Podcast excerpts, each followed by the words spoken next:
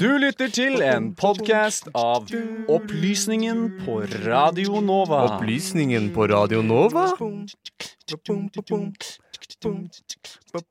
Eh, du, Sander. eh, vår venn Benjamin satte seg denne uka ned og retta blikket østover til eh, vårt gigantiske naboland. Det stemmer det. Vi skal til Russland, og igjen så er det gnisninger mellom Vladimir Putin og opposisjonspolitiker Aleksej Navalnyj. Denne gangen med potensielt fatale konsekvenser. I Norge er det nok mange som tar for gitt at demokratiet slipper til stemmer fra ulike hold.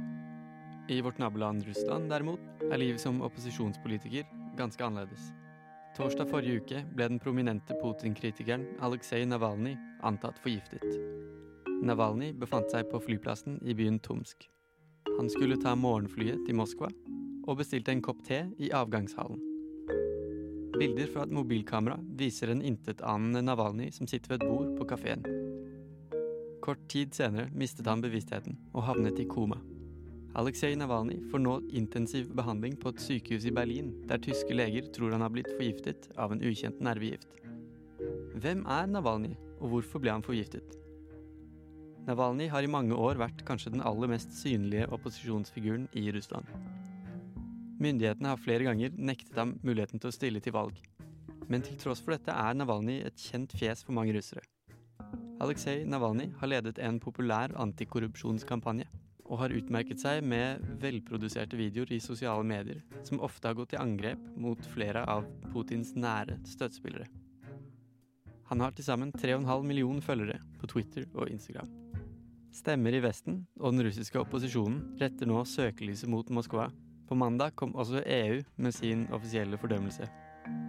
Nyhetsbyrået Reuters melder at Tysklands kansler Angela Merkel har bedt russiske myndigheter om å iverksette en etterforskning, og hun krever en ryddig rettergang. Men Navalnyjs støttespillere har nok mindre tillit til det russiske rettsvesenet. Men qui bono? Hvem tjener på Navalnyjs forgiftning?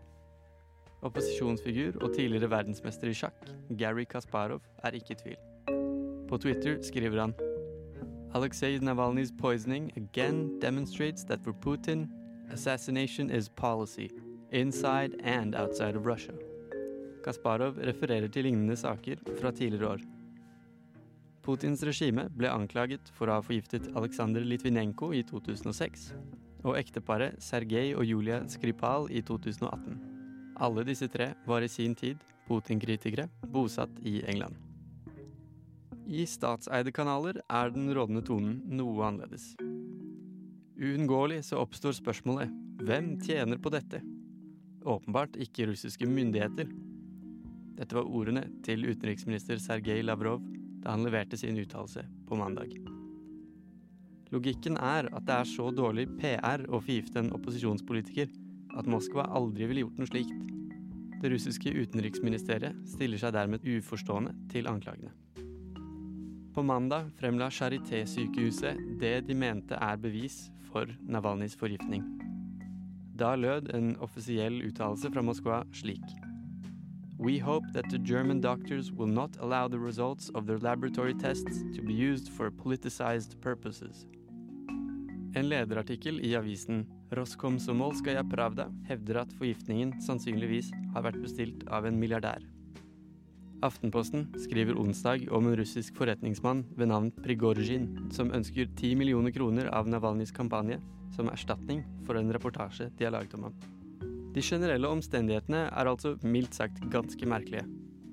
Sensommeren har vært preget av protester og uro i nabolandet Hviterussland. Men også internt i Russland har det skjedd mye.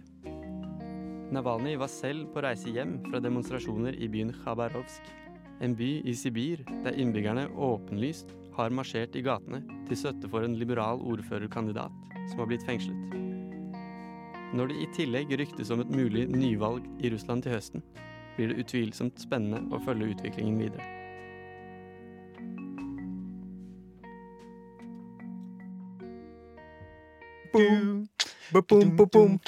Du har nå hørt en podkast fra Opplysningen 99,3. Finn denne og tidligere episoder på Spotify, iTunes eller der du måtte finne dine podcaster ellers.